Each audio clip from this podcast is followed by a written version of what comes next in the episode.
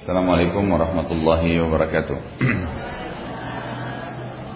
Alhamdulillah Nahmadu hamdal hamdin wa nashkuru syukra syakirin wa nusallim ala abdihi wa rasulihi Muhammad Kama sallallahu wa malaikati alaih Puji dan syukur kepada Allah subhanahu wa ta'ala atas segala nikmatnya dan juga salawat dan taslim besar Muhammad sallallahu alaihi wasallam. Melanjutkan kitab jual beli. Dan kita sekarang masuk ke hadis 803 ya. Baik. وعن ابن مسعود رضي الله تعالى عنه قال سمعت رسول الله صلى الله عليه وسلم يقول إذا اختلف المتبايعان وليس بينهما بينة فالقول ما يقول رب السلعة أو يتتاركان rawahul khamsatu wa sahahahu al-hakim. Ibnu Mas'udin radhiyallahu anhu berkata, Ibnu Mas'ud radhiyallahu anhu berkata, aku mendengar Rasulullah sallallahu alaihi wasallam bersabda, apabila dua orang yang berjual beli saling transaksi berselisih, sedang di antara mereka tidak ada keterangan yang jelas maka perkataan yang benar ialah apa yang dikatakan oleh pemilik barang atau mereka membatalkan transaksi. Riwayat Imam 5 hadis sahih menurut Al-Hakim. Hadis ini memberikan pelajaran kepada kita ibu-ibu sekalian bahwasanya kalau terjadi si A dan si B sedang transaksi, kemudian mereka berselisih, berselisih dalam masalah harga, berselisih dalam masalah warna, kemudian tidak ada kejelasan, tidak ada bukti, maka yang dipegangi adalah perkataan pemilik produk. Perkataan pemilik produk. Makanya di dalam Islam ada hal yang paling mendasar kalau kita sedang transaksi harus semuanya jelas. Termasuk ya, termasuk kalau misalnya ibu lagi menjual sebuah produk, jilbab misalnya, baju misalnya, buku, Kemudian ibu memberikan kepada dia, ibu bilang, ucapkan kalimat, ini jilbabnya ya, sesuai dengan pesanan warna biru. Ucapin itu. Jadi pada saat dikasih ke dia, ada ucapan yang kita titipin di situ. Walaupun produknya sudah jelas. Pada saat dia ambil, oh iya, misal kita terima barang. Ini seperti yang saya pesan. Lalu pada saat si pembeli memberikan uang, Misal dia berikan uang 300 ribu. Harga jilbab 275. Ibu penjual itu mestinya dia mengatakan uangnya 300 ribu ya bu. Ucapin itu. Uangnya 300 ribu ya bu. Jadi ucapan itu nanti menjadi bayina, menjadi penjelas. Nanti tidak ada perselisihan. Pada saat dikembalikan pun ini kembaliannya bu ya 25 ribu. Jelas bahasanya. Karena sering terjadi ada seseorang beli produk misalnya 30 ribu rupiah. Pada saat rame orang yang beli, dia kasih uang. Mungkin dia kasihnya 50 ribu. Dia kasih 50 ribu. Yang penjual kena buru-buru mengambil uangnya menggabungkan dengan uang yang lain. Lalu kemudian si pembeli ini lupa, dia kira dia sudah kasih uang 100 ribu. Dia bilang, uang saya tadi 100 ribu. Pembelinya, penjualnya bilang, enggak, cuma 50 ribu. Mungkin si pembeli ini tidak niat menipu, tetapi yang di benak dia itu 100 ribu. Bisa terjadi, gitu kan? Bahkan sering terjadi masalah itu. Maka kalau terjadi perselisihan seperti ini, tidak ada kejelasan, tidak ada tadi argumen, tidak ada alasan kita untuk membela gitu kan diri, maka berarti yang dipegangi perkataan penjual, pemilik produk. Kalau tetap berselisih, tetap berselisih berarti dibatalin transaksi. Dibatalkan transaksi. Juga perlu ibu-ibu tahu, dalam transaksi jual beli, selama dua-duanya jujur, Kata Nabi Shallallahu Alaihi Wasallam, kalau dua orang saling transaksi, dua-duanya jujur, maka Allah memberkahi transaksi mereka. Maksudnya apa? Yang menerima duit, berkah duitnya dipakai. Ya, beda ya duit berkah dengan tidak. Duit berkah itu nanti kalau kita beli sesuatu manfaatnya banyak sekali. Beli produk elektronik tahan lama, gitu kan. Jadi berkah, beli makanan cukup untuk banyak orang, gitu. Yang menerima produk, yang beli juga berkah karena dia jujur. Kalau dia beli baju lama dipakai, berkah. Orang kalau lihat senang melihatnya. Itu termasuk ada hal-hal yang orang harus pahami tuh. Jadi ini hadis 803 menjelaskan tentang masalah tersebut. Kalau terjadi perselisihan, maka yang dipegang adalah perkataan penjual, pemilik produk. Dia lebih berhak. 804. Wan Ibnu Mas'udin Ibnu Mas'ud Al-Ansari radhiyallahu anhu anna Rasulullah sallallahu alaihi wasallam naha an thamanil kalbi wa mahril bagyi wa halwanil kahin muttafaqun alaih dari Abu Mas'ud Al-Ansari radhiyallahu anhu bahwasanya Rasulullah SAW melarang mengambil uang penjualan anjing, uang pelacuran dan upah pertenungan. Maksudnya di sini ya, dukun. Muttafaqun alaih.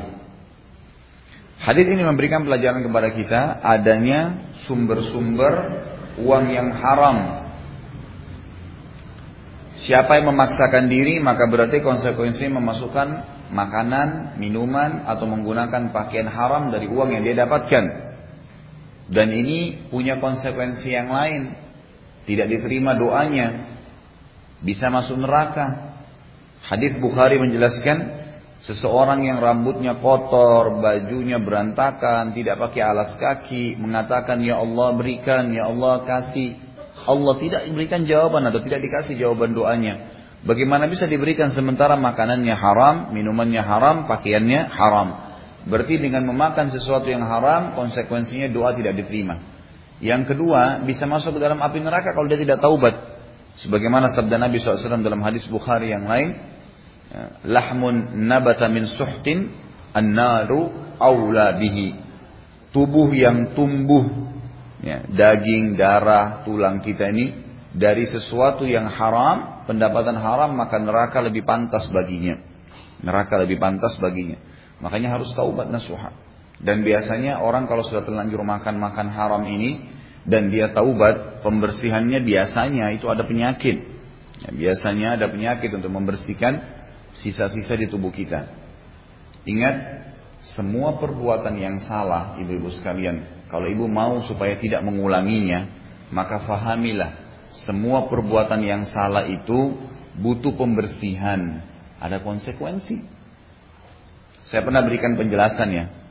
Kalau misal ibu mengambil segelas air, kemudian ibu siramkan ke badan seseorang, anggap tidak sengaja. Kita air mau dibuang di jalanan, ada orang lewat kena bajunya. Apa yang ibu harus lakukan? Baik, ngucapin maaf. Maaf ya bu, misal orang lain disiram bajunya. Cukupkah? Belum cukup. Kenapa? Karena baju orang itu sudah basah. Kalau ibu mau betul-betul sempurna, keringkan bajunya. Bagaimana caranya? Tawarin. Maaf bu ya, bajunya basah. Mungkin saya keringin, dilapin, digantiin baju lain. Emang begitu. Kita pernah mengambil barang orang lain. Tidak cukup dengan minta maaf.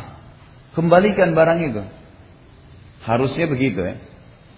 Nah ini juga sama, ruang lingkupnya ditarik oleh para ulama di dalam masalah dosa. Seseorang pernah berzina. Lalu dia bilang, ya Allah saya tobat. Betul dia tobat nasuha, sudah ditinggalin. Jangan lupa, dosa itu sama tadi dengan kasus air yang dilempar. Dia sudah ada bekasnya di tubuh. Butuh pembersihan. Pembersihan ini nanti dengan taubatnya kita Allah akan datangkan cobaan. Orang yang pernah utang nggak bayar, dia lupain. Yang terjadi nanti akan ada orang utang sama dia nggak bayar. Yang terjadi nanti dia bisnis bangkrut.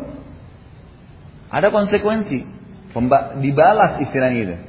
Makanya kata Nabi SAW, al jazau min jinsil amal.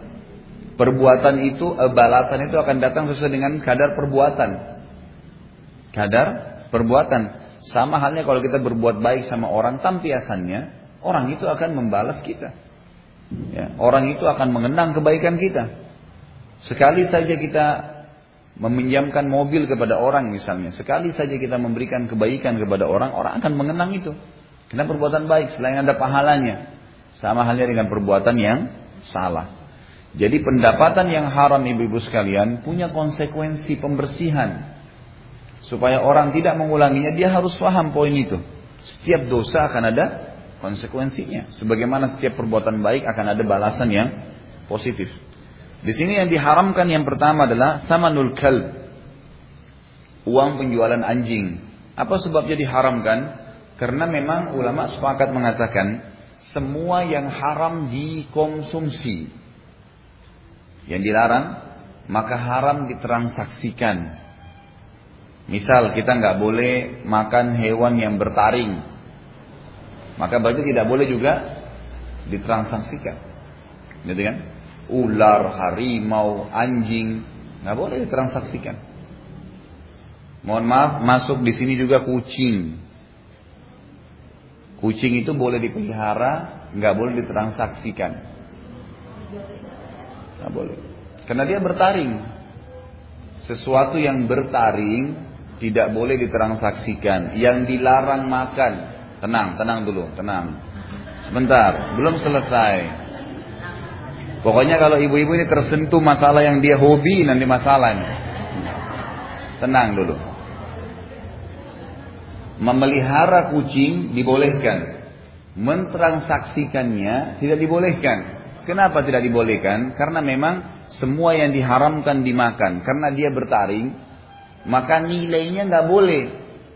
Nilainya, jualnya, uangnya itu nggak halal. Kan? Permasalahannya karena ada hadis yang melarang itu. Tapi memeliharanya ada hadis lain. Abu Hurairah pernah memelihara dan Nabi tidak larang. Baik Ustadz, saya hobi dengan kucing. Bisa nggak hobinya dialihkan ke yang lain? Bisa aja. Bisa kok bu ya. Jangan ibu paksain diri kurung di sebuah bingkai kehidupan yang pernah saya bilang tuh. Terus di situ. Saya kalau tidak minum kopi pagi hari kepala saya pusing, pusing benar. Saya kalau nggak pelihara anjing maka saya nggak bisa hidup, susah. Kenapa harus gantung hidupnya sama anjing? Nggak bisa. Nggak ada masalah kok kalau nggak pelihara. Iya kan? Enggak ada sesuatu yang hilang. Tangan kita putus, matanya buta. Enggak. Jadi jangan kurung diri kita di sesuatu yang pola hidup yang kita kurung diri kita sendiri. Mudahin, mudahin. Yang halal nikmatin, yang haram tinggalkan. Gitu kan? Maka akan mudah nantinya. Akan mudah nantinya ya. Ini hukum syar'i, bukan dari saya. Allah Subhanahu wa taala yang tentukan seperti itu.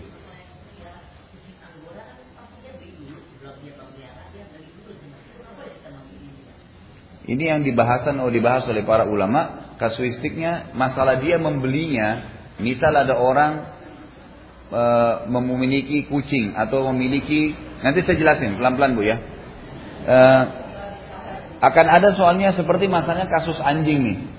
Ini kan kasus anjing di sini dikatakan haram uang yang ditransaksikan kan? Di sini ulama masih rincikan dulu. Hadis ini datang dalam bentuk global. Semua anjing dari hadis ini haram, kan gitu. Tapi Abu Hanifah rahimahullah mengeluarkan sebuah hukum sendiri. Beliau beristihad, beliau mengatakan tidak semua anjing. Kalau anjing itu untuk dipelihara masuk dalam kategori larangan ini. Tetapi kalau anjing itu untuk menjaga gembalaan, kebun yang luas, anjing digunakan untuk berburu, itu lain. Kenapa Abu Hanifah bilang kalau ini berbeda, masih boleh. Boleh seseorang menurut Abu Hanifah rahimahullah, orang muslim menjual anjing berburu, menjual anjing untuk menjaga. Kenapa? Karena memang ini dua ini dibolehkan. Ada hadis yang lain berbunyi bahwasanya anjing yang digunakan untuk menjaga biasanya zaman dulu itu dipakai untuk gembalaan supaya tidak diserang eh, apa dengan serigala gitu kan dengan yang dipakai berburu sebagaimana Allah sebutkan dalam surah Al-Maidah ayat 5. Ya, masalah bolehnya, maaf, ayat 4 bolehnya menggunakan anjing dalam berburu. Ya, kata Allah SWT, "A'udzubillahi madza uhilla lahum qul uhilla lakumut thayyibat." Ditanyakan kepada Muhammad apa yang dihalalkan buat mereka, katakanlah semua yang baik-baik Allah halalkan, yang sudah Allah sebutkan. Kemudian wa ma 'allamtum minal jawarihi mukallibina tu'allimunahunna mimma 'allamakumullah dan juga dihalalkan untuk kalian Ya, memakan hewan buruan yang telah ditangkap oleh anjing-anjing buruan kalian. Ya, jadi anjing-anjing buruan itu boleh dipakai. Misal kita nembak rusa. Begitu rusanya sudah kena, anjingnya dikirim, suruh tangkap, dipegang, gitu kan? Selama memang kita sudah tembak duluan, dia bukan mati karena diserang oleh anjing, maka halal.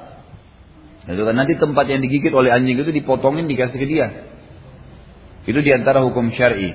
Jadi pengharaman ini datang dalam bentuk global, tapi nanti akan ada pengecualiannya. Nah ulama mengatakan masalah kucing ini kalau orang menjualnya itu dilarang memang sebenarnya, dilarang bagi setiap muslim. Kalau ada orang non muslim yang jual kucing, lalu Abu Hurairah pernah pelihara kucing, boleh nggak saya beli? Di sini ulama mengatakan boleh dia membelinya, tapi bukan dia yang menjual. Ibu bukan beli untuk jual lagi. Dan memang yang jual itu orang non muslim, dia beda hukumnya. Tidak ada hubungannya dia dengan hukum kita, gitu kan? Nah, kita membelinya, ruang lingkupnya karena boleh memeliharanya. Tetapi tetap uang yang dipakai kalau bisa ibu buka memang khusus untuk jual kucing. Nah, ini lain. Ini masuk dalam konsekuensi larangan. Jelas ya? Makanya lain kali bu tenang dulu, jangan diprotes. Kemudian yang kedua, di sini dikatakan mahril bagi uang dari pelacuran, baik pelaku pezinahnya sendiri atau orang yang menyiapkan fasilitas tempatnya. Jadi kan? Jadi semua yang menjadi penyebab adanya perzinahan maka akan menjadi konsekuensi haram. Pelaku zinahnya sendiri, pelacurnya naudzubillah dan orang yang menyiapkan tempatnya. Ini semua berarti hukumnya haram. Termasuk haram di sini dilarang adalah bukan cuma sekedar kita seseorang itu mengambil uangnya ya. Tetapi kalau ibu misal, misal ini sampai ulama ini istihad ya, upaya sebagian besar ulama. Kalau ada seorang pelacur, jelas-jelas kita tahu kerjanya itu, nggak ada pekerjaan lain. Datang ke toko, ibu lagi jual makanan. Kalau ibu mau lebih aman, ibu nggak terima. Sampai pada tingkat itu karena jelas penghasilan dia dari zina. Maaf saya nggak jual. Emang begitu? Apa pun yang dia bahasakan berbeda sebentar, berbeda kalau seandainya dia masih punya pendapatan lain. Beda ya. Misal memang dia juga pegawai kantor, misal. Kemudian dia juga berzina kalau malamnya. Ada campur baur pendapatan itu lain. Itu ulama mengatakan masih terbuka karena bisa diniatkan untuk mengambil dari uang halal dia. Tapi kalau murni dia pezina, nggak boleh. Ah, ya. Nggak boleh bu. Jangan disewain. Ibu tahu pezina. Mau nyewa, jangan disewain. Karena pendapatan dia jelas dari zina. Larinya ke kita. Nggak bisa. Tenang bu, jangan tunjuk saya.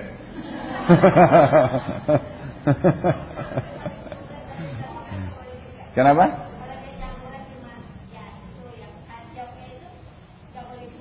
Kalau apa? Saya... Enggak, kalau ada kerjaan lain enggak apa-apa. Saya kan sudah bilang. Kalau ada pendapatan lain, lain. Enggak ada masalah. Gitu kan? Kalau dia murni hanya itu. Bahasa saya ini enggak tahu jelas enggak. kalau dia murni hanya itu. Ada enggak di sini namanya Mbak Murni nih? kalau dia betul-betul cuman itu pekerjaannya, pendapatannya, berarti semua dia dapatkan dari pendapatan ini maka tidak boleh. Inilah dijelaskan dalam hadis, makanya disebutkan di sini dan di sini uang pelacuran. Uang pelacuran ini bukan hanya haram bagi dia. Dia kena melacur dapat dia makan bukan. Dilarikan ke mana pun tetap haram. Karena dasarnya sudah sumbernya haram. Orang misalnya korupsi. Kaya raya miliaran. Lalu dia bilang dia umrohin 10 orang keluarganya. 100 orang. Sah ke umrohnya? Enggak sah. Sumbernya haram, gimana caranya? Nggak bisa. Jangan itu. Jadi sumbernya jelas tidak boleh di sini. Jelas tidak boleh. Kecuali sekali lagi punya pendapatan yang lain. Ini juga berarti ada pengharaman dari masalah perzinahan. Jadi dari pintu ini juga diharamkan masalah perzinahan. Ya. Kemudian dikatakan upah pertenunan. Ini juga Masalah dukun-dukun. Dia buka praktek. Sekarang ini dukun karena istilah dukun itu sudah banyak dibenci oleh masyarakat. Bahkan sering kita dengar ada masyarakat meroyokin dukun sampai mati. Dengar kan? Sekarang diubah istilahnya menjadi para tidak normal. Tidak, bukan paranormal. Kalau saya bilang para tidak normal. Kemudian dibuat lagi istilah lain, orang pintar. Orang bodoh ini, orang tidak pintar. Jangan dibilang orang pintar. Karena memang mereka menipu masyarakat. Tidak ada penyihir yang tidak nipu masyarakat. Nipu. Bapak ibu sekalian, kalau penyihir itu memang bisa seperti yang dia bilang. Dia bantu orang, dia buat orang kaya. Dia udah kaya duluan. Untuk apa terima uang dari orang? Pakai akal sehat, nggak mungkin. Mereka memang menipu orang, nggak bisa. Bukan cuma menipu ya, merusak. Karena dia menggunakan tenaga syaitan. Syaitan ini ibu-ibu sekalian, perlu ibu tahu, itu mereka tingkatannya di bawah manusia. Kemampuannya di bawah manusia. Karena manusia khalifah, manusia pemimpinnya. Tidak ada Pernah dengar nggak ada nabi dari jin? Kenapa tidak ada dari jin? Karena manusia pemimpinnya, jinnya harus ikut. Yang nabi kita Nabi Muhammad ya mereka iman. Nabi Musa sebelumnya mereka beriman Nabi Musa. Mereka nggak punya nabi. Memang karena mereka itu di bawah manusia.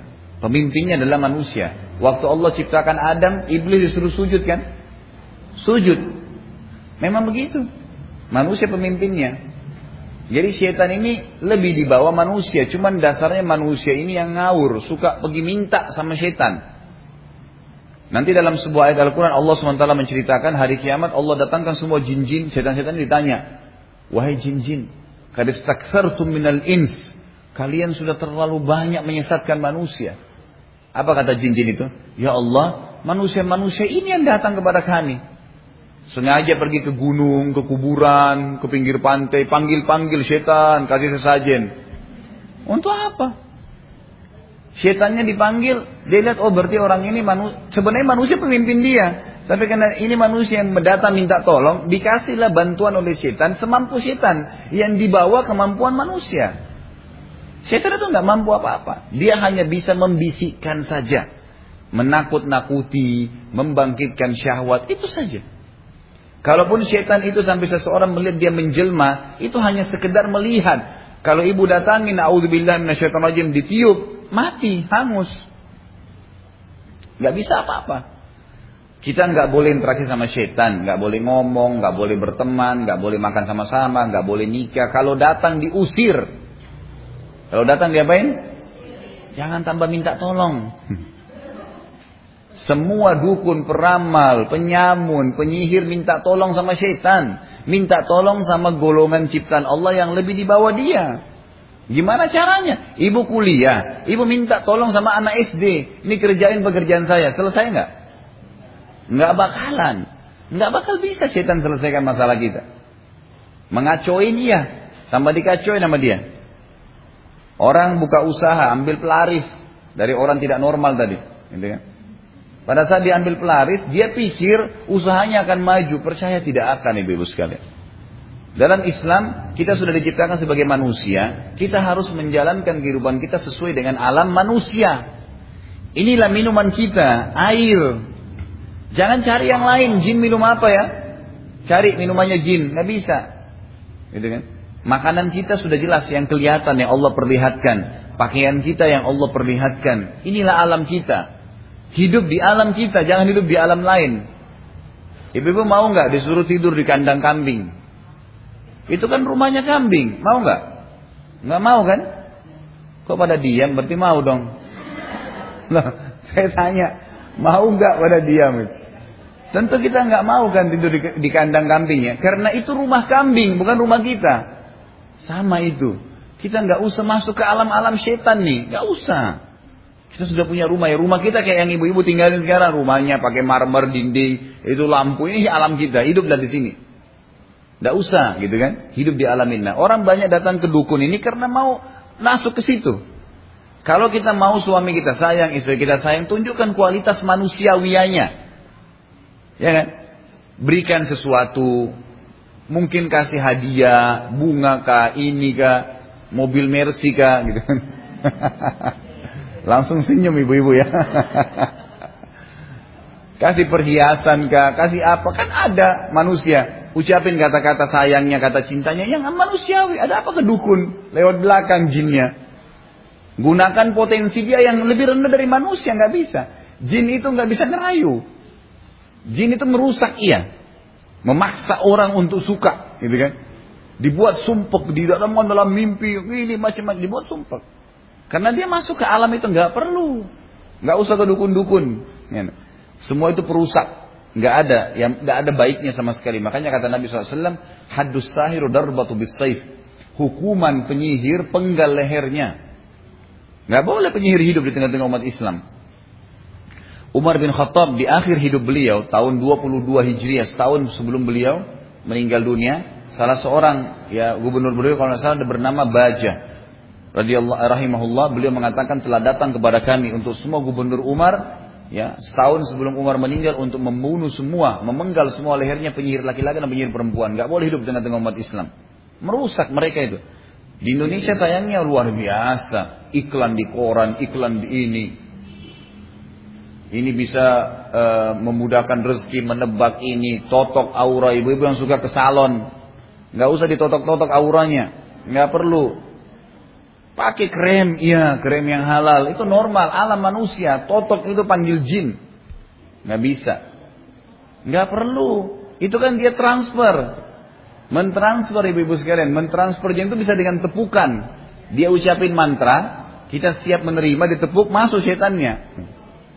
Rata-rata orang yang di Rukia, yang pernah belajar tenaga dalam, yang pernah pasang susuk, yang pernah ini, yang pernah itu, semua pasti konslet. Pasti kesurupan. Gitu. Karena memang sudah salah caranya. Nggak bisa. Setannya harus diusir. Mereka hanya mendatangkan masalah buat manusia. Nah penyihir ini memang umumnya ini sudah dibongkar oleh Nabi SAW. Mereka memang mau hidup dari situ. Jadi semuanya penipuan umumnya. Ya. Karena memang dia hidup dari situ. Kalau dia bisa kaya, dari sihirnya dia akan kaya duluan. Dia akan dahului kita. Gitu kan? Kenapa harus orang lain yang dia bantu kemudian dia terima uang? Jadi memang betul-betul semua tidak benar. Tidak benar. Penyihir ini ada tingkatan-tingkatan. Penyihir yang paling ya sudah sesat sekali udah. Itu adalah penyihir yang menyatakan kufur kepada Allah dan beriman pada iblis. Biasanya mereka datang ke gunung, ke lautan, eh, ke gua yang gelap. Kemudian dia sendiri bawa sesajen, dia sendiri. Datang, membawa sesajen lalu dia panggil-panggil setan itu. Pada saat dia sudah lihat, dia sudah dengar suara, karena tiap hari memanggil sampai mungkin sebulan, tiga minggu, lalu iblisnya datang. Kalau dia menyatakan saya naudzubillah, saya kufur kepada Allah dan saya beriman pada kamu, maka ini penyihir yang paling kuat nih. Biasanya nanti iblis kasih dia, ini kerajaan jin Jawa Barat kamu pegang. Terserah dia mau suruh apa, gitu kan jin-jin ini. Tapi ini ada konsekuensi ya. Dia kufur kepada Allah. Bahaya sekali. Dan biasanya iblis itu minta tumbal. Anaknya dialah, istrinya dialah, gitu kan. Jadi seperti itu. Nanti dia jadi ya, tiap saat dia menyembah iblis.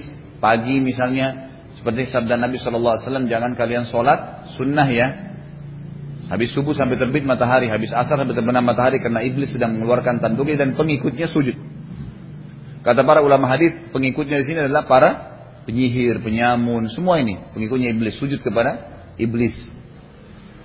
Ada penyihir yang tidak menyatakan kufur kepada Allah secara lisan, tapi apa yang diminta dipenuhi. Disuruh sembelih darah ayam hitam misalnya ditaruh darahnya di sebuah tempat. Maka ini juga termasuk adalah ya perlakuan penyihir. Penyihirnya sendiri kufur, orang yang datang kepada penyihir juga sama. Ya, kata Nabi SAW, kata Nabi SAW, siapa yang mendatangi penyihir bertanya saja. Cuma iseng, ini coba tebak jari saya ini garisnya bagaimana nasib saya. Lihat mata saya, lihat ini, lihat itu, ini semua cuman bertanya, nggak percaya. Tidak diterima sholatnya 40 hari. Ke belakang. Bukan ke depan. Jangan ibu lagi bilang, kalau gitu saya tetap sholat Ustaz. Ya sholat. Karena yang dihapus 40 hari ke belakang. 40 hari loh ini. Ya. Sebulan 10 hari. Hanya datang bertanya untuk apa?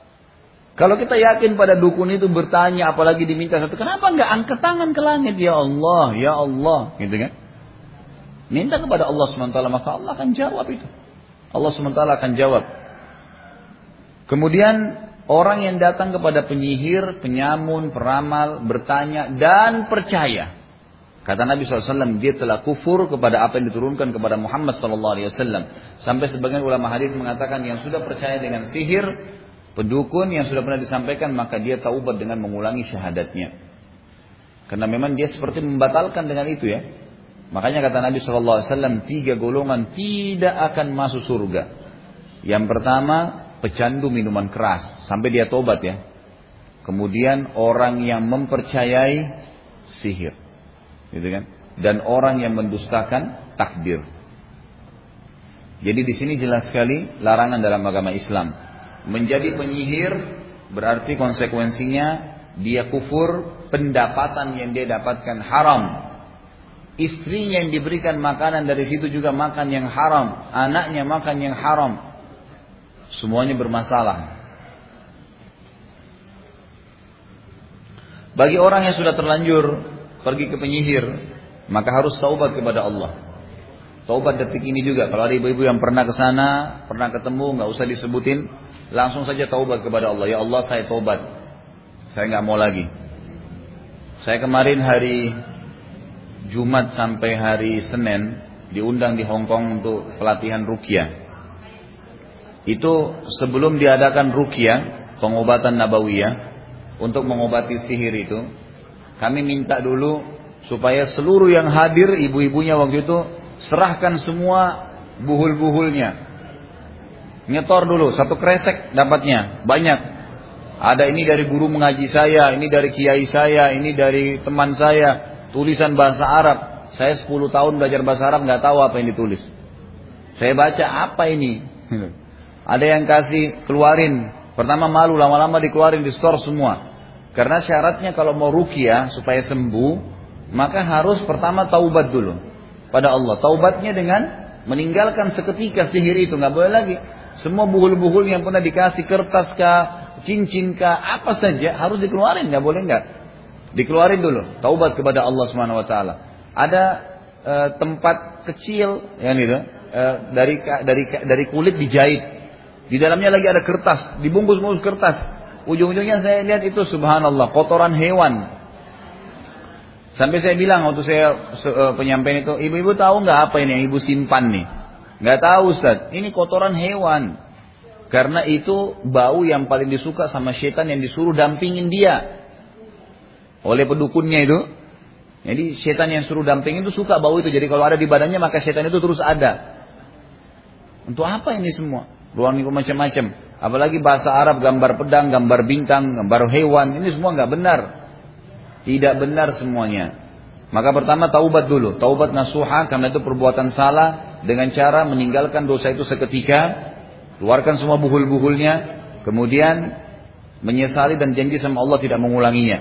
Gitu kan? Orang mukmin punya senjata doa kepada Allah. Bergantung kepada Allah SWT. Minta kepada Allah. Yang kedua, kalau Ibu pernah menyatakan, misal ada orang menyatakan pernah berjanji memenuhi syarat penyihir. Maka dia harus menyatakan, minta kepada Allah, ya Allah, saya putuskan semua hubungan saya sama penyihir dan jin-jin ini. Ucapin itu. Karena kalimat ini diperlukan. Ibu-ibu kalau orang dari non-muslim masuk Islam, ucapin syahadat kan? Baik, kalau orang mau murtad, dia bilang, saya kufur misalnya. Saya pindah agama. Itu ucapan itu sudah membatalin keislamannya kan. Ucapan nih. Suami mau ceraikan suaminya, saya ceraikan. Diucapin.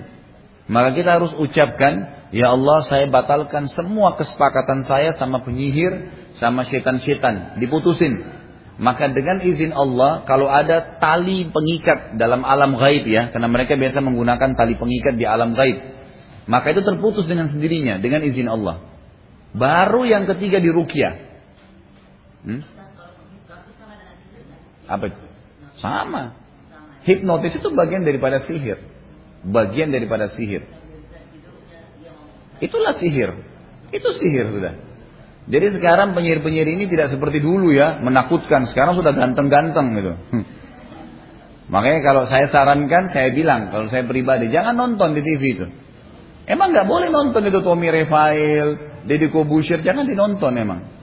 Kalau orang non muslim nonton silakan, kalau anda jangan nonton, itu nggak boleh.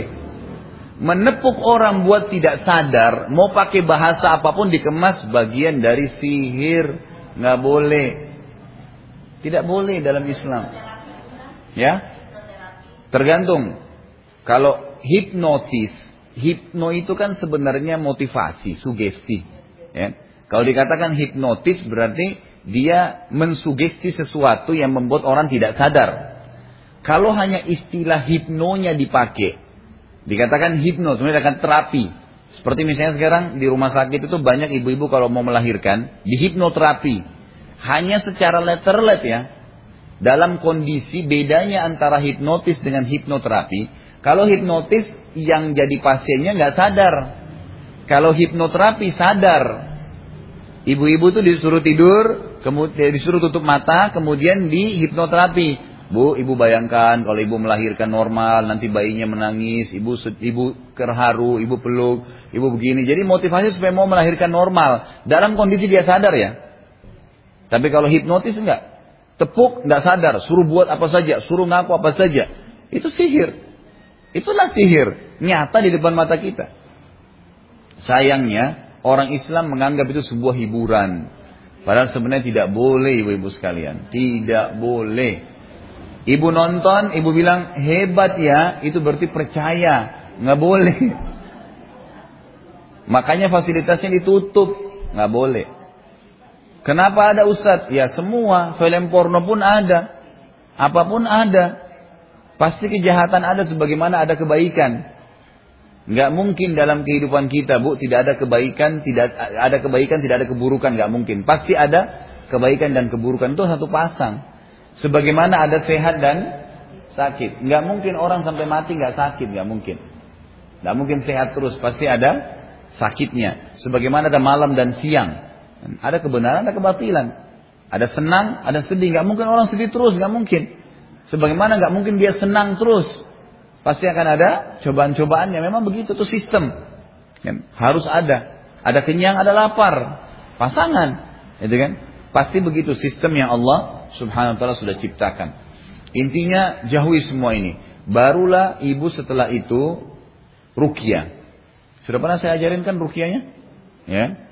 Membaca Al-Fatihah, kemudian meniupkan ke telapak tangan. Kalau rukyah mandiri ya, sendiri. Membaca ayat kursi, tiupkan ke telapak tangan. Membaca al-ikhlas, tiupkan telapak tangan. Membaca al-falak, tiupkan telapak tangan. Membaca an-nas, tiupkan telapak tangan. Lalu usap dari kepala sampai ke kaki. Niat ya Allah, bentengi diri hamba dengan ayat-ayat ini. Gitu kan? Dan batalkan serta musnahkan semua buhul-buhul sihir dan syaitan di tubuh hamba. Usap, diusapkan badannya. Minta kepada Allah SWT. Berdoa. Hanya minta kepada Allah. Ya Allah batalkanlah, Ya Allah musnahkanlah. Terus sampai ke kaki kita. Biasanya kalau orang itu ada sihirnya, nanti tempat yang disentuh dengan telapak tangan terasa. Misalnya di situ merinding, merasa tidak e, nyaman, merasa kayak pedi, per, apa, kayak terasa kayak dipakein balsem, pedas rasanya, gitu kan? Atau dia sendawa, atau dia tiba-tiba mau buang air besar, buang air kecil, mules. Itu semua pengaruh daripada sihir. Biasanya ada orang yang langsung terasa mau muntah, dimuntahin aja, nggak apa-apa. Nah, kemudian kalau sudah rukia begitu dan kita merasa memang ada sesuatu yang kita rasakan, ini cuma seperti orang yang sedang sedang mengecek dirinya. Kalau dia merasa ada, ibu bisa lakukan trik rukia yang lain setelahnya. Ibu minta kepada Allah sambil nutup mata, ya Allah tunjukkanlah semua buhul-buhul dan eh, syaitan di badan hamba. Gak boleh takut ya. Nanti insya Allah kalau berdoa tulus dengan Allah, Allah bisa perlihatkan tuh ada keluarga saya, dia kena sihir, kemudian pada saat saya lakukan itu, saya bilang coba minta kepada Allah tutup mata kamu sekarang, minta Allah perlihatkan di mana buhulnya di badan kamu. Dia berdua tulus ya Allah tunjukkanlah. Dia bilang sama saya, saya lihat ada paku di kepala saya. Dia bilang, baik, minta kepada Allah minta kepada Allah agar kamu dikasih sesuatu yang bisa membuat kamu lepaskan diri kamu dari buhul itu. Ada apa di tangan kamu? Dia lihat, dia bilang, saya punya e, jepitan, saya punya tang. Baik, tarik buhulnya, ditarik sama dia. Ditarik sendiri. Sudah keluar, sudah keluar. Minta kepada Allah untuk dimusnahkan. Udah dimusnahin. Nanti Allah bakar tuh. Subhanallah kemarin ada pembantu saya, mohon maaf, orang yang kerja bantu di rumah. Dia rupanya ini pernah belajar ilmu tenaga dalam, jurus macan lah, apalah gitu kan. Kemudian sudah luar biasa pacaran sama ini, pacaran sama itu, bola balik. Masuk ke rumah ini, dia sering melihat setan-setan. Jadi penangkap-penampakan gitu kan. Dia cerita sama istri saya, istri cerita sama saya. Saya panggil dia. Dudukin ada istri saya, saya rukia. Kamu begini ya, coba jalanin rukia. Jalanin rukia. Kamu harus yakin dulu, taubat kepada Allah, putuskan semua hubungan kamu sama setan-setan dan penyihir ini, kemudian di rukia. Di rukia. Itu di rukia itu langsung keluar, kayak mau nyakar-nyakar, jurus macan. Gitu kan. Kemudian saya bilang, sekarang kamu sadar, berhenti, minta kepada Allah disadarin, sadar dia. Baik tutup mata kamu minta kepada Allah diperlihatkan di mana buhulnya. Minta kepada Allah begitu. Berdoa tulus ya Allah tolong lihatkan ya Allah lihatkan. Terus dia bilang sama saya, ada apa? Saya lihat kamu lihat apa? Allah perlihatkan apa di bayangan dia? Di, bukan dia lihat nyata ya, tapi di di bayangan dia kayak Allah per, perdengarkan atau sepintas gitu. Saya saya juga tidak tahu bagaimana dia melihatnya. Cuma dia bilang ada di kaki saya. Apa di kaki kamu? Rantai. Baik, minta kepada Allah Ya Allah mudahkan hamba untuk bisa menghancurkan buhul ini. Saya tanya dia, kamu Allah siapin apa buat kamu setelah berdoa? Spontan waktu itu. Oh saya punya pedang Pak Ustaz. Baik, rusak, putusin buhul itu di kaki kamu. Terus dia sendiri minta kepada Allah, ya Allah mudahin. Sudah, sudah putus Pak Ustaz. Dia sendiri bilang begitu. Saya nggak lihat data apa, saya nggak lihat nggak apa, cuman saya bilang kita kembalikan kepada kemurnian doa. Dan ini menandakan subhanallah, ya, bahwa sihir-sihir itu memang secara gaib. Badan eh, yang ditanamkan di badan kita itu secara gaib memang. Ya pakunya, ya apanya, bonekahnya, ya apalah macam-macam. Macam-macam. Nah itu semua, itu bisa dihilangkan dengan doa kepada Allah subhanahu wa ta'ala. Berdoa dan dengan cara rukia tadi. Dengan cara rukia. Jadi ini menandakan memang tidak ada kelebihannya penyihir-penyihir itu. Sama sekali. Mereka hanya menyesatkan. Apalagi kalau sampai ada yang mau belajar jadi penyihir bisa kufur yang datang juga dilarang eh, karena mereka interaksi sama setan-setan. Jadi harusnya bisa memperbaiki diri, membenahi diri, lebih mengenal Tuhan Allah Subhanahu wa taala dan hanya bergantung kepada Allah Subhanahu wa taala. Baik. Ini kurang lebih tiga hal yang dilarang dalam transaksi, ya. Kenapa?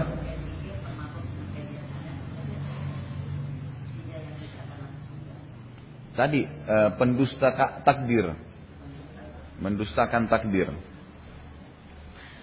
Baik, 805 Wa bin Abdullah annahu kana ala jamalin lahu qad a'ya fa arada an yusayyibahu qala falahikani an-nabiy falahikani an-nabiy sallallahu alaihi wasallam فدعا لي وضربه فسار سيرا لم يسر مثله فقال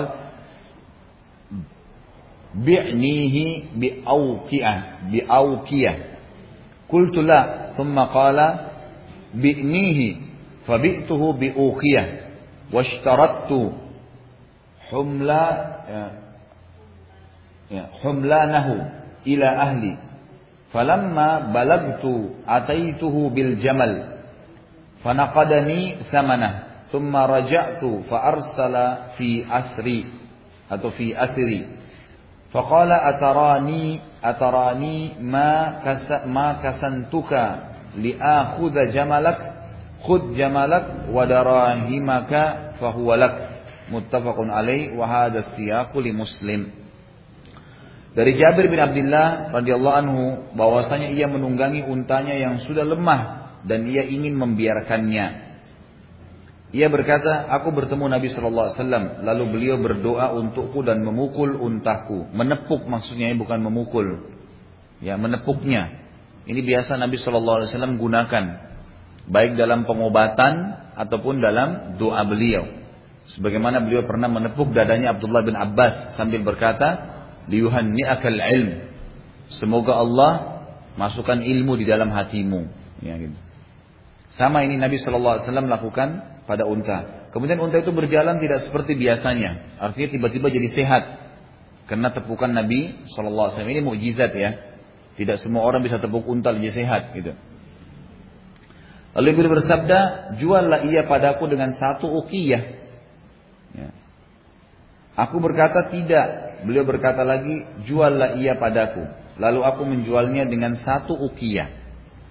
Namun dengan syarat aku membawanya dahulu pada keluargaku. Di sini maksudnya dengan syarat ya, eh, aku menungganginya ke keluargaku. Ya, jadi karena dia mau pulang, nggak ada tunggangannya, ya, gitu. Setelah aku melakukannya, aku datang pada beliau dengan unta itu dan beliau membayar harganya kepadaku. Kemudian aku pulang dan beliau mengirim seseorang membuntuti-ku, Maksudnya seseorang menyusulku. Ubah kata-kata membuntuti ya. Buntuti kan jelek, nggak baik.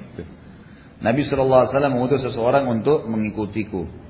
Menyusulku, maaf. Lalu beliau bersabda, apakah engkau mengira aku menawarmu untuk mengambil untamu?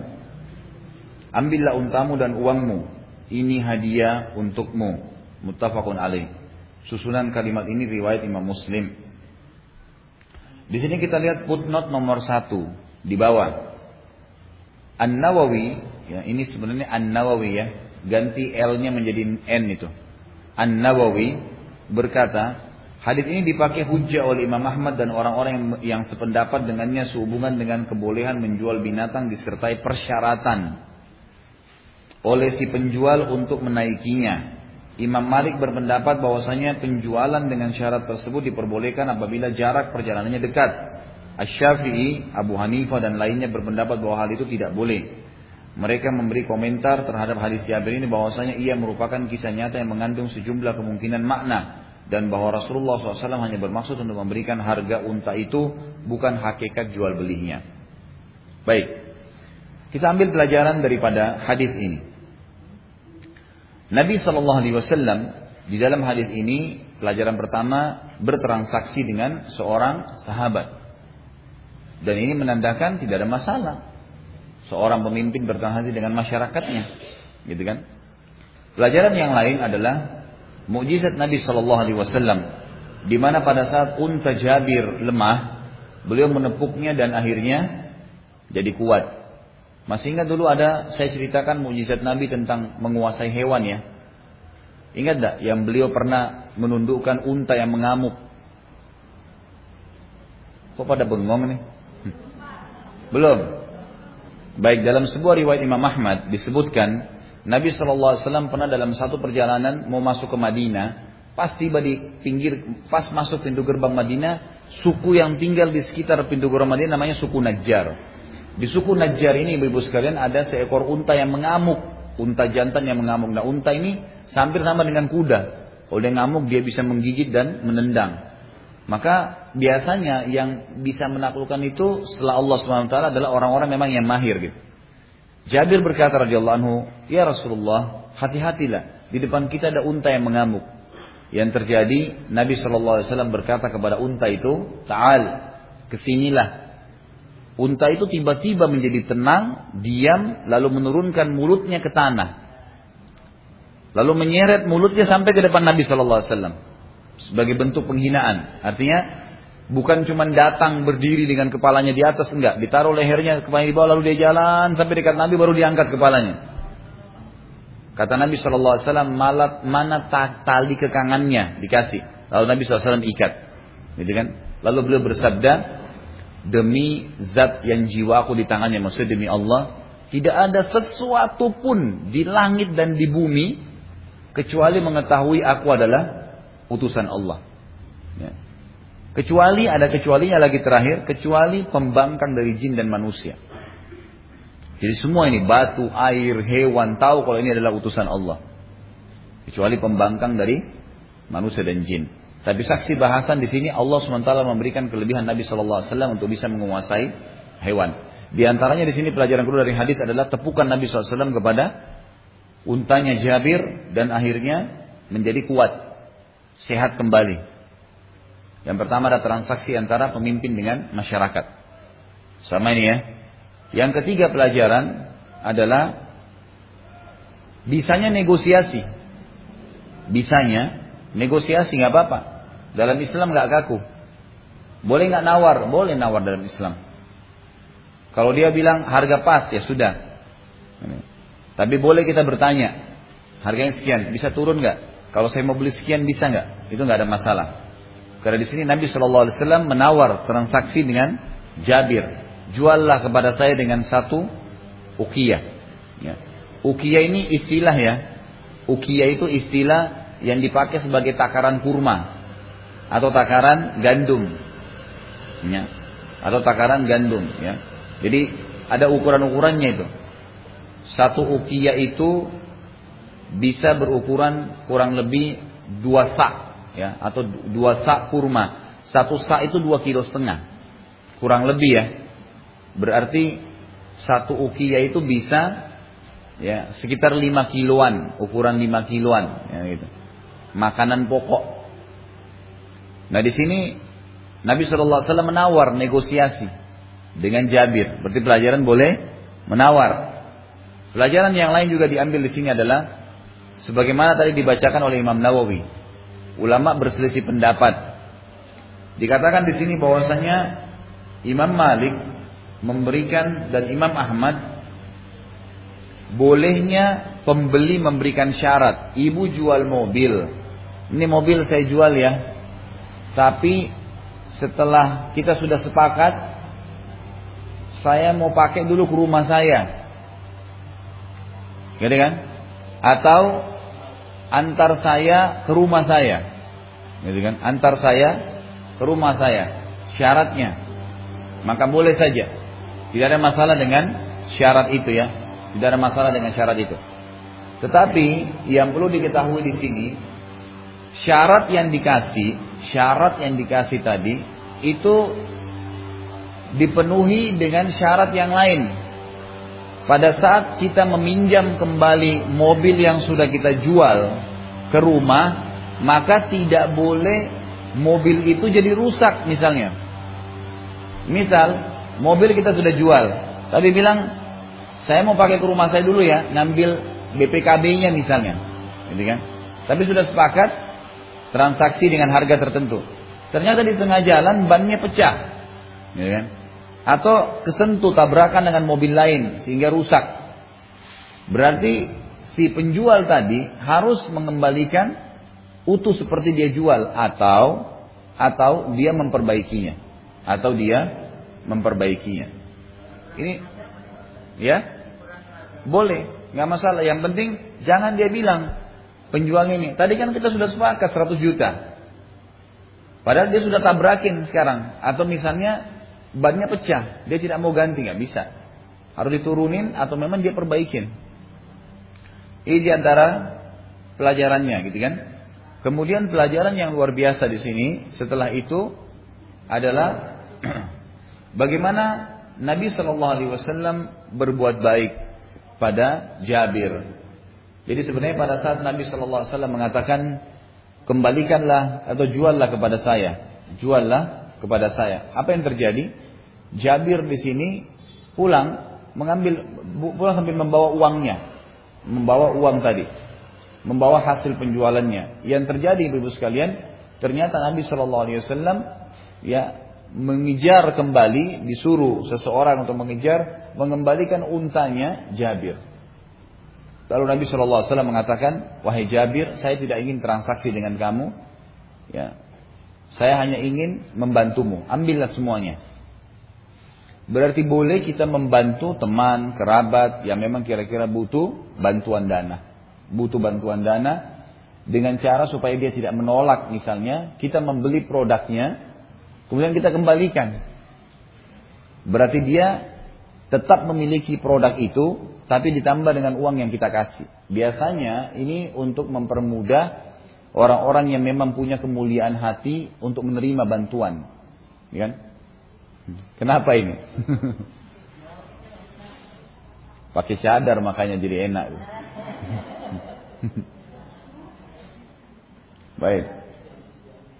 Percuma biar juga ibu tutup masuk juga.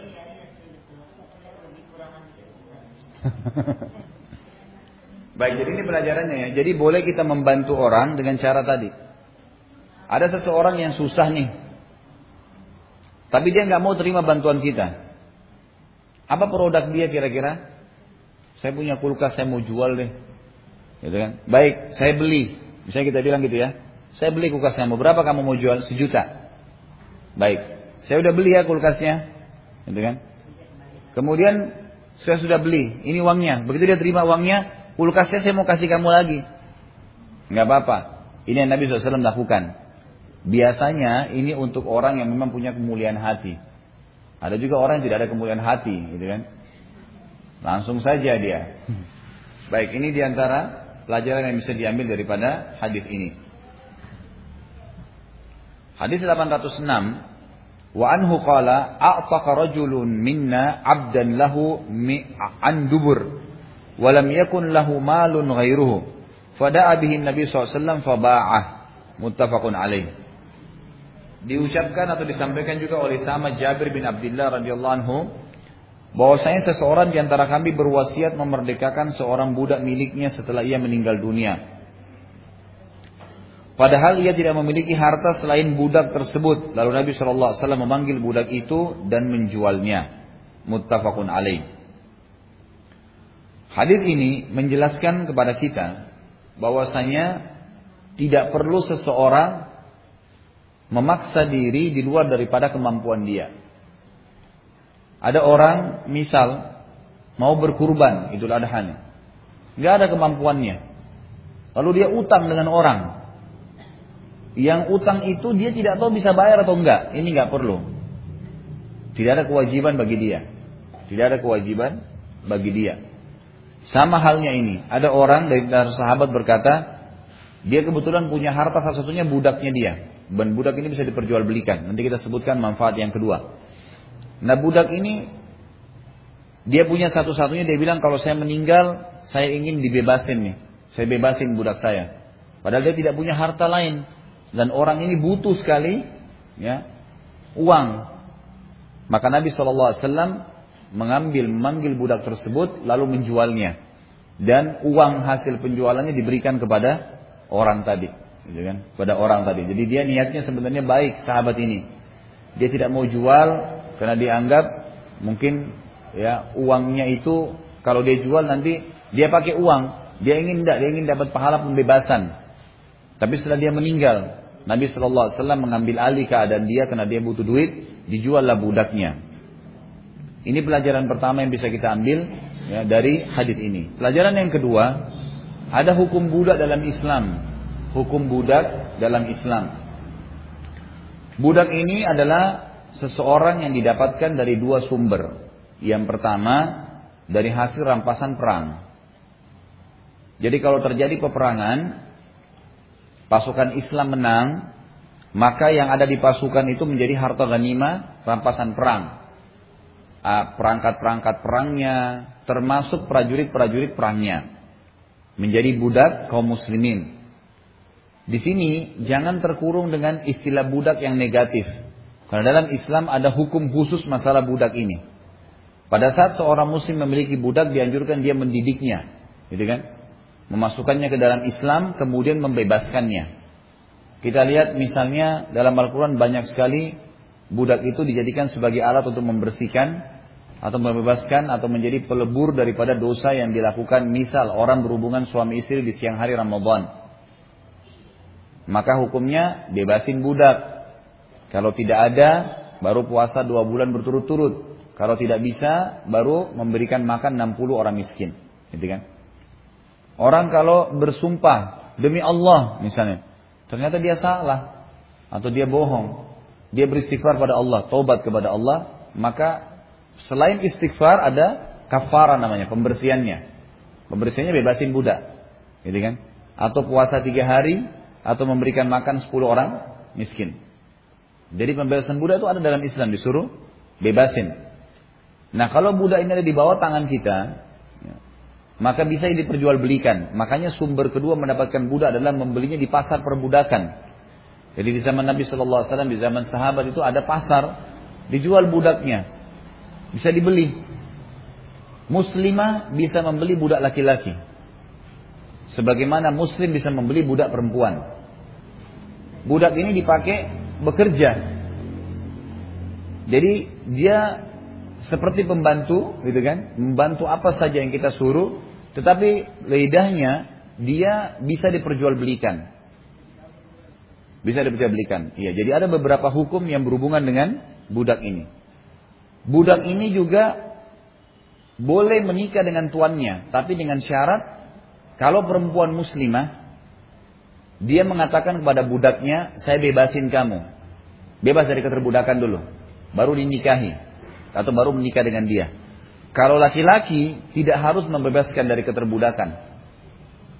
Boleh tetap dalam keterbudakan si budak wanitanya. Tapi kalau dia bebasin maka jauh lebih baik.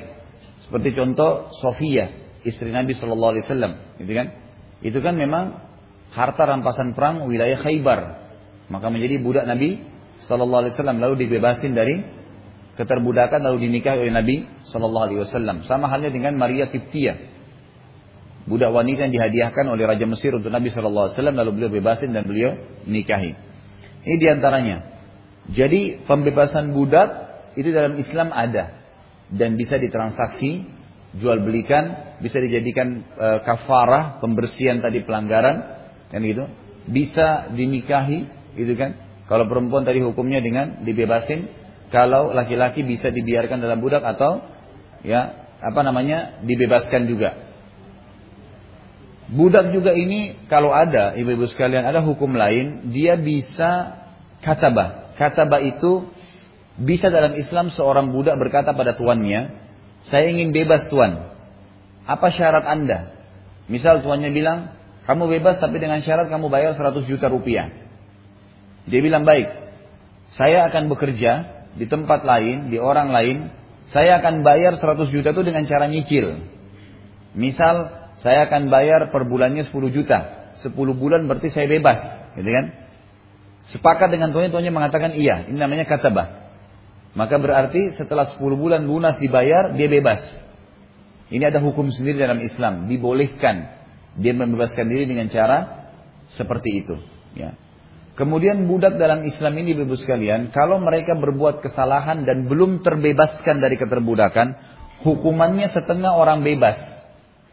Jadi misal kalau orang bebas kayak kita berzina, la Allah dicambuk 100 kali. Kalau budak 50 kali. Gitu kan? Dia setengah hukuman orang yang bebas. Ini di antara hukum-hukum yang berhubungan dengan budak. Baik, budak itu boleh dijadikan juga sebagai pendekatan diri kepada Allah pada saat kita mau berhubungan, mau mendapat pahala. Misal, tiba-tiba dia mengatakan pada budaknya, saya bebasin kamu. Niat karena Allah. Itu termasuk ibadah. Tanpa ada kafara pun. Tanpa ada denda, tanpa ada penyebab. Sebagaimana Atha bin Abi Rabah, ulama besar di Mekah, itu ibu-ibu sekalian, dia bekas budaknya seorang wanita soleha di Mekah. Jadi karena Atha bin Abi Rabah ini belajar agama terus, siang hari dia kerja buat tuannya yang perempuan ini, apa pun yang dibutuhin dibantu sama dia, malam hari dia belajar dari para ulama sampai dia menjadi ulama besar. Maka tuannya di musim haji berdiri di Mina Lalu berteriak mengatakan, wahai kaum muslimin, saksikanlah aku membebaskan Atta bin Abi Rabah dari keterbudakannya karena Allah. Dan untuk kebutuhan muslimin. Karena memang dia faham agama. Selama dia jadi budak kerja di tuannya, hampir setiap hari ada masyarakat Mekah yang datang bertanya tentang hukum agama. Maka seperti itu. Bisa dibebaskan itu adalah pendekatan diri kepada Allah subhanahu wa ta'ala. Hukum yang lain yang bisa kita ambil pelajaran dari ayat hadis ini adalah seorang pemimpin, seorang pemimpin ya, seperti kasus Nabi Shallallahu Alaihi Wasallam, boleh mengambil sebuah keputusan berhubungan untuk maslahat masyarakatnya. Kasusnya tadi adalah sahabat ini miskin sekali, susah hidupnya. Dia butuh dana, tapi dia tidak berani Eh, dia tidak punya sumber penghasilan. Satu-satunya harta dia budak ini. Dia mau bebasin, tapi dia mau jual, tapi dia ingin dapat pahala pembebasan budak. Karena kondisinya sangat mendesak, tidak bisa lagi, maka Nabi SAW mengambil keputusan untuk menjual budaknya. Dijual budaknya tadi, gitu kan? Untuk membiayai kebutuhan dia. Ini boleh dilakukan oleh seorang pemimpin yang memang melihat maslahat pada orang yang sedang dibawa naungannya. Nah, ini yang diambil daripada hadis 806. Baik, 807 وعن ميمونة زوج النبي صلى الله عليه وسلم أن فأرة وقعت في سمن فماتت فيه وسئل النبي صلى الله عليه وسلم عنها فقال ألقوها وما حولها wa kuluhu rawahul Bukhari wa zada Ahmad wa Nasa'i fi samminin jamid dari Maimuna istri Nabi sallallahu alaihi wasallam radhiyallahu anha bahwasanya seekor tikus jatuh ke dalam samin sejenis mentega. Lalu tikus itu mati. Kemudian hal itu ditanyakan kepada Nabi Shallallahu Alaihi Wasallam, beliau menjawab, buanglah tikus itu, dan samin yang ada di sekitarnya. Dan makanlah samin yang tersisa. Riwayat Bukhari, Ahmad dan Nasai menambahkan dan samin itu dalam kondisi beku. Samin itu dalam kondisi beku. Baik, jangan buru-buru. Jangan buru-buru. Hmm. Ya, itu dengar dulu makanya. Samin di sini kata ulama hadis yang dimaksud adalah Maimuna memiliki samin yang sangat banyak. Maimuna radhiyallahu anha memiliki samin yang sangat banyak.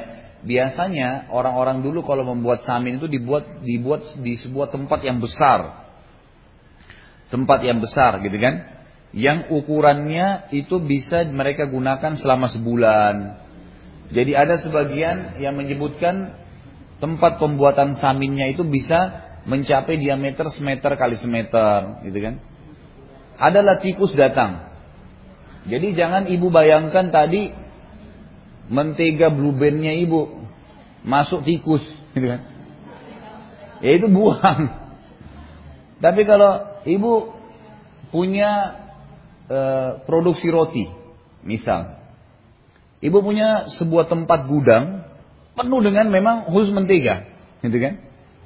Kemudian ada tikus masuk mati di bagian depan. Ini besar nih untuk ukuran kamar, ukuran besar. Maka apa yang dilakukan? Dibuang semua? Satu gudang? Nah, makanya.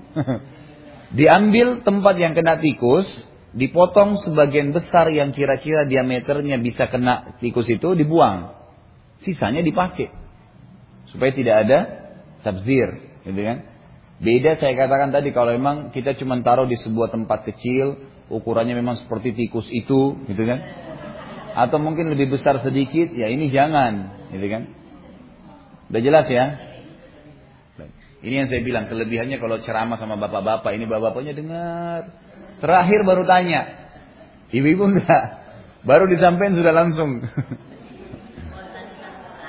Spontanitas ya. Begitulah cara aku membela diri gitu. Baik. Jadi seperti itulah. Di sini diambil pelajaran ibu-ibu sekalian.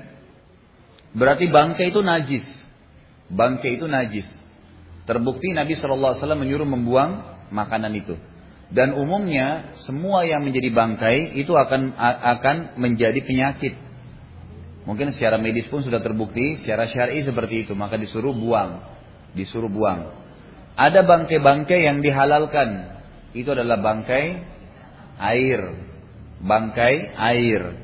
Apa pun itu, ikan, udang, apa saja. Selama dia di air dan memang dasarnya hewan air, halal. Nggak ada masalah. Gitu kan? Jangan ikan jatuh di mentega dibuang. Ini tikus, hewan darat.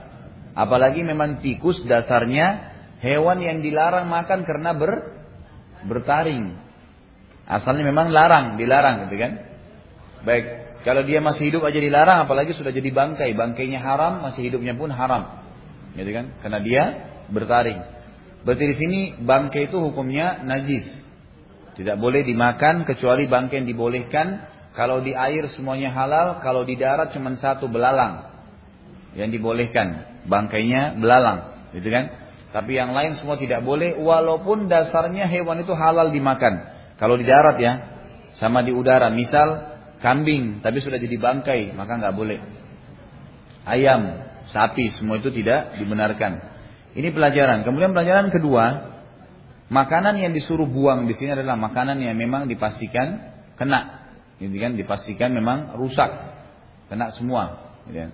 Maka ini dibuang. Ya dibuang. Di sini perintah Nabi SAW memang disuruh buang karena akan berbahaya.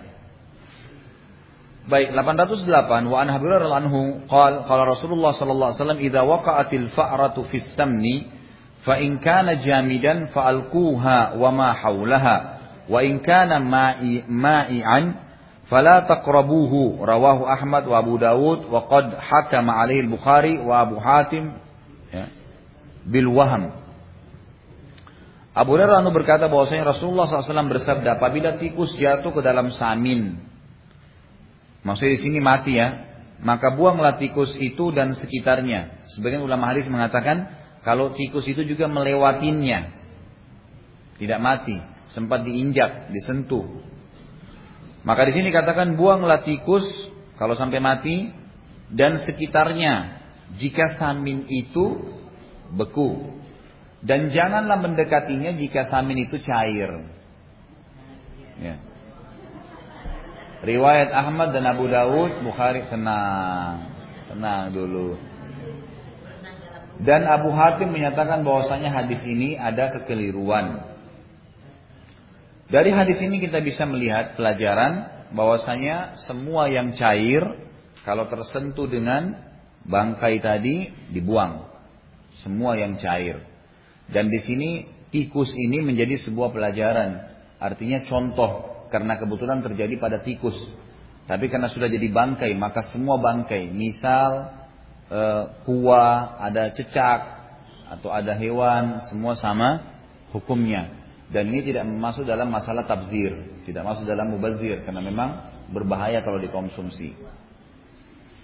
Baik 809 wan Abi Zubair qal sa'altu Jabiran radhiyallahu anhu an samani an an samani sanuri ya wal kalb faqala zajara an-nabiy sallallahu alaihi wasallam an dhalika rawahu Muslim wan Nasa'i wa zada illa kalb sayd Abu Abu Az-Zubair Abu Zubair berkata aku bertanya kepada Jabir radhiyallahu anhu tentang harga kucing dan anjing ini tadi yang mau transaksi ia berkata Nabi SAW melarang itu.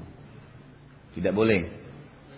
Riwayat Imam Muslim dan Nasai dengan tambahan kecuali anjing pemburu. Tadi sudah saya jelasin di awal. Hadis ini memberikan pelajaran tentang tidak bolehnya mentransaksikan anjing dan kucing. Dan ini memang dikarenakan dasarnya mereka dilarang untuk dimakan. Dasarnya memang dilarang untuk dimakan. Mau bertanya bu? Silakan. Ya. Selesaikan. Enggak, ini sudah jam 10, enggak apa-apa, Bu.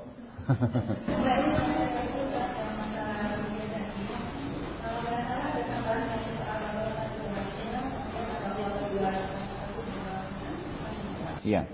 Jadi ayat rukyah tadi yang saya sampaikan itu adalah ayat-ayat rukyah yang sederhana yang semua orang hafal. Kalau misal ibu bisa tambahkan jauh lebih baik.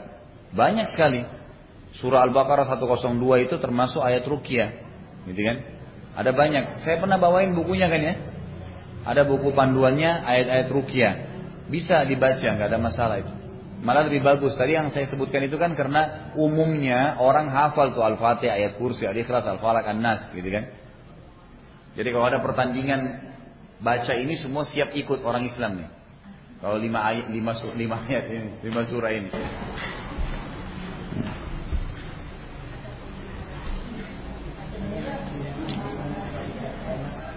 Memelihara anjing.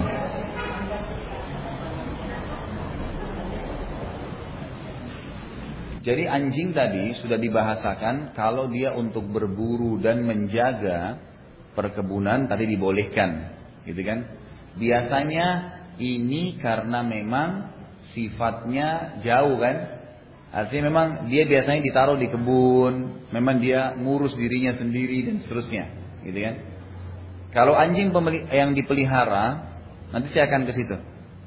Ibu tenang aja, saya akan sampai ke situ insya Allah. Cuman saya biasanya gitu, kalau orang bertanya saya rincikan supaya jelas, gitu kan. Jadi pada saat saya masuk ke poinnya, oh iya. Baik, jadi kalau anjing yang dipelihara, dalam Islam tidak dibolehkan memelihara anjing kecuali dua tadi keadaannya. Kalau ada seseorang muslimah misalnya, pernah ada satu pengajian saya isi, dia rupanya pelihara anjing di rumahnya. Lalu saya bilang tidak bisa pelihara anjing bu. Dia bilang masa sampai seperti itu agama Islam pelihara anjing aja nggak boleh? Kan kita sayang hewan. Saya bilang ini bukan hukum dari saya, ini hukum dari Allah. Ibu kenapa pelihara anjing? Ya karena hobi hewan. Alihkan ke hewan yang dibolehkan. Kan kucing boleh. Ini gitu. Misal ada hewan yang dibolehkan. Atau pelihara kambing. Ayam, ya gitu. Ya, burung misalnya. Ya. Baik.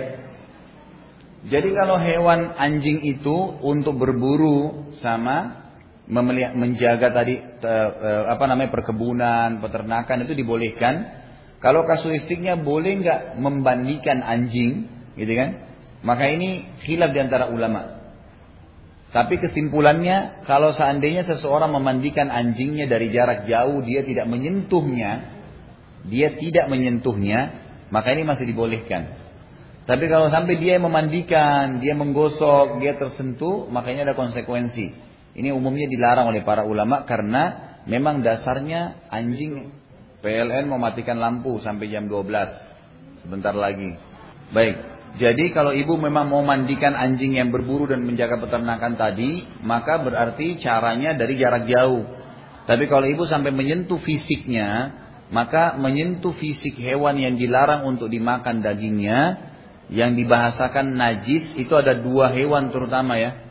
Babi dan anjing. Karena memang ada hadis lain yang berbunyi kalau anjing menjilat ya piring kalian maka cucilah. Dengar suara saya kan? Baik. Jadi ya, baik. Jadi kalau seandainya ibu mencucinya eh, apa? Kalau dia disentuh anjing itu kalau menyentuh piring seseorang di antara kalian atau menjilatnya, menyentuh atau menjilatnya, maka harus dibersihkan dengan cara dicuci dengan air enam kali dan tanah satu kali, gitu kan? Ya, ya harus tanah. Emang begitu. Tanah itu kalau ulama fikih mengatakan membersihkan dari bakteri. Ya samalah, pasir tanah kurang lebih, kan gitu. Iya, iya. Boleh, nggak pakai sabun pun nggak apa-apa. Intinya hukum syar'inya sudah boleh. Nah, tanah dulu, tanah dulu. Jadi tanahnya itu memang digosokin. Nanti tanah itu mematikan bakterinya. Kemudian baru disiram dengan air. Kalau ibu kasih air dulu baru tanah, nanti tetap kotor, gitu kan? Makanya tanah dulu baru air. Nah, kalau yang ibu maksudkan sekarang adalah memelihara anjing di dalam rumah, ini adalah larangan bu ya. Kata Nabi Shallallahu Alaihi Wasallam di buku yang pernah saya bawa tuh, rumah-rumah yang tidak dimasuk oleh malaikat. Jadi kata Nabi, rumah yang ada patungnya dan ada anjingnya tidak dimasukin oleh malaikat. Yang berarti rumah itu jauh dari rahmat Allah. Dan rumah yang tidak dimasuki malaikat maka akan dimasuki oleh setan, dipenuhi oleh setan. Nah, memelihara anjing sendiri sebagai peliharaan tidak dibolehkan dalam Islam. Memasukkan dalam rumah juga ada larangan, gitu kan? Nah, kalau ibu sudah terlanjur lakukan, maka ibu bisa melepaskan diri dari itu. Misal dengan menjualnya, gitu kan, atau membebaskannya, uang yang diambil dari penjualan yang sudah terlanjur dijual itu disodokahkan, dikeluarkan. Dan ibu alihkan hobi memelihara itu ke hewan yang dibolehkan. Kasus biasanya, biasanya kan kalau bukan kucing anjing, kan gitu. Nah boleh dialihkan ke kucing, Allah alam. Ya. Kalau ibu mau lebih baik lagi, lebih baik ibu mandi urus segala anaknya ibu sendiri. Loh iya benar. Boleh juga suami daripada hewan. mohon maaf ini, mohon maaf saya bahasakan. Sebentar. Banyak kita, banyak kita Bu ya, banyak orang di antara kita orang Islam ini karena belum memahami agama Islam 100%. Kemudian dia terdidik, memang ayahnya muslim, ibunya muslimah, dia keluarganya Islam, tapi semuanya Ya pakaiannya, ya makanannya, ya pergaulannya, ya yang ditempel-tempel di rumahnya. Semua cara non-muslim. Maka pada saat dia mau mendekatkan diri ke Islam, itu memang banyak hal yang harus dia ubah. Emang sudah begitu hukumnya. Kalau memang mau menjadi muslim yang benar gitu kan. Dan insya Allah kalau kita terapkan agama Islam dalam kehidupan kita, kita akan sangat tertuntun kok. Insya Allah akan tertuntun. Gitu bu ya? Iya harus. Itu ada hadisnya. Itu bahkan ada ayat Al-Quran menjelaskan. Iya. Jadi nanti pada saat kita memanah atau menombak, menembak, mengatakan Bismillah.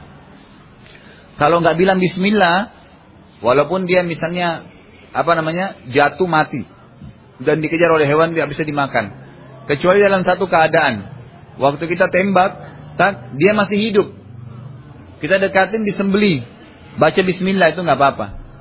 Tapi pada saat melepas itu harusnya. Nah kalau kita tembak baca Bismillah, ternyata dia mati dengan tembakan kita itu sudah halal. Maaf tadi di sini sebelumnya ada siapa tadi? Kalau jatuh lalat.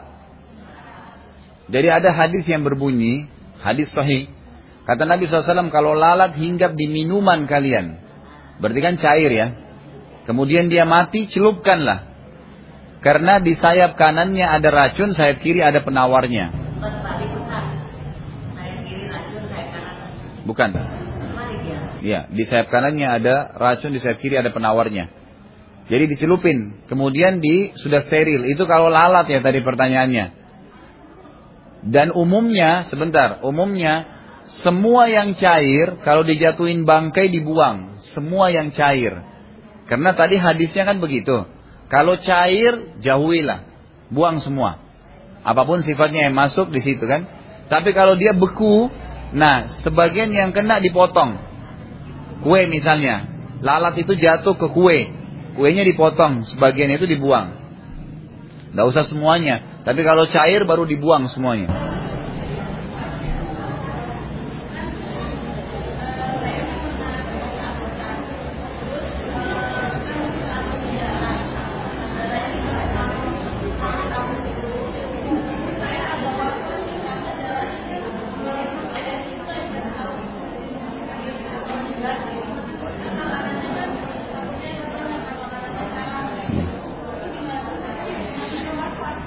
Jadi begini Bu, dalam Islam kita dianjurkan untuk menghakimi sesuatu secara zahir. Yang kelihatan ya, misal kita lagi jatuh, pendarahan. Lalu masuk rumah sakit lalu disuntikin, disuplai darah. Kita nggak tahu dari mana sumbernya. Ya udah nggak usah ditanyain. Sudah serahkan kepada Allah aja gitu. Kecuali kalau jelas-jelas kita tahu nih kita butuh darah. Kemudian dibantu oleh orang kafir atau ahli maksiat. Nah kita tahu betul-betul. Nah kita cari orang lain. Minta orang lain. Lain. Kalau sudah darurat lain lagi ceritanya. Ya? Iya. Insya Allah serahin kepada Allah. Yang penting, yang penting ya, ibu-ibu harus tahu dalam pengobatan dalam pengobatan itu kata Nabi Wasallam Allah tidak jadikan kesembuhan kalian pada hal-hal yang diharamkan. Jadi nggak mungkin kita bisa sembuh kalau mengkonsumsi apa yang Allah haramkan. Ya ada kerabat saya kena penyakit di perutnya, kemudian masuk rumah sakit, bahasanya dokternya ya, ini nggak bisa sembuh kecuali harus disuntik dengan suntikan ini. Dan ini jelas dari lemak babi. Emang dibilang ini dari lemak babi. Tapi sudah telanjur disuntikin harus datang ke rumah sakit. Ya nggak bisa. Nggak boleh memang. Insya Allah Allah akan ada obatnya itu. Minta kepada Allah petunjuk, Allah akan kasih obatnya. Jangan terlalu kaku gitu. Sebab itu haram, nggak boleh dasarnya. Nggak boleh. Loh itu disampaikan. Loh jelas. Makanya kan karena disampaikan dan jelas buat dia. Nggak boleh. Tapi alasannya karena tidak ada lagi obat lain. Itu kan statement si dokter itu. Dia belum tentu dokter lain mengatakan hal yang sama. Berapa banyak kasus terjadi, dokter ini mengatakan A, kita pergi ke dokter lain mengatakan B. Sering terjadi. Bisa beda obat, bisa beda beda pendeteksian penyakit, macam-macam. Jadi tidak perlu harus difonis langsung kan? Sudah ya?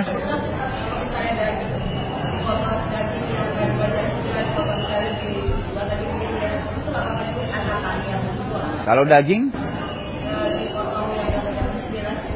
Kalau kalau melalui proses penyembelihan.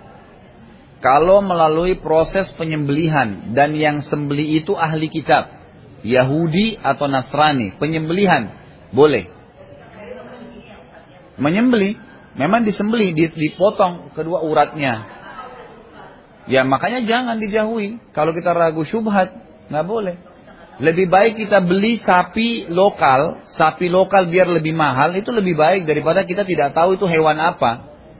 Jadi jangan terpengaruh karena ini dari luar negeri, apalagi lebih murah, enggak. Ya Bu ya.